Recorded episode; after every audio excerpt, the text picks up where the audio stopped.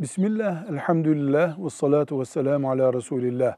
Abdest aldıktan sonra krem kullanan birisinin namazında sakınca var mı? Eğer kullanılan krem necis bir maddeden yapılmadıysa bunun abdestten sonra namaza engeli yok.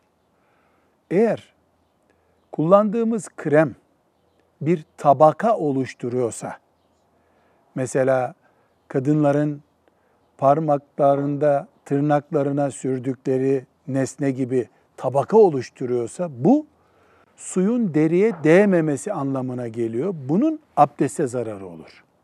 Tabaka oluşturan kremin, boyanın deriye suyun teması açısından abdeste zararı olur. Namaza zarar veren odur.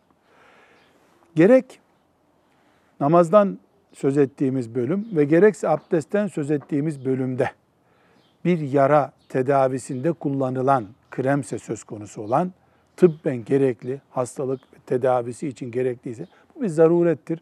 Bunun ne abdeste ne de namaza zararı olmaz. Velev ki alkollü veya başka necis bir maddeden yapılmış olsun. Mesela bir yanık tedavisinde kullanılan kremden herhangi bir sakınca olmaz.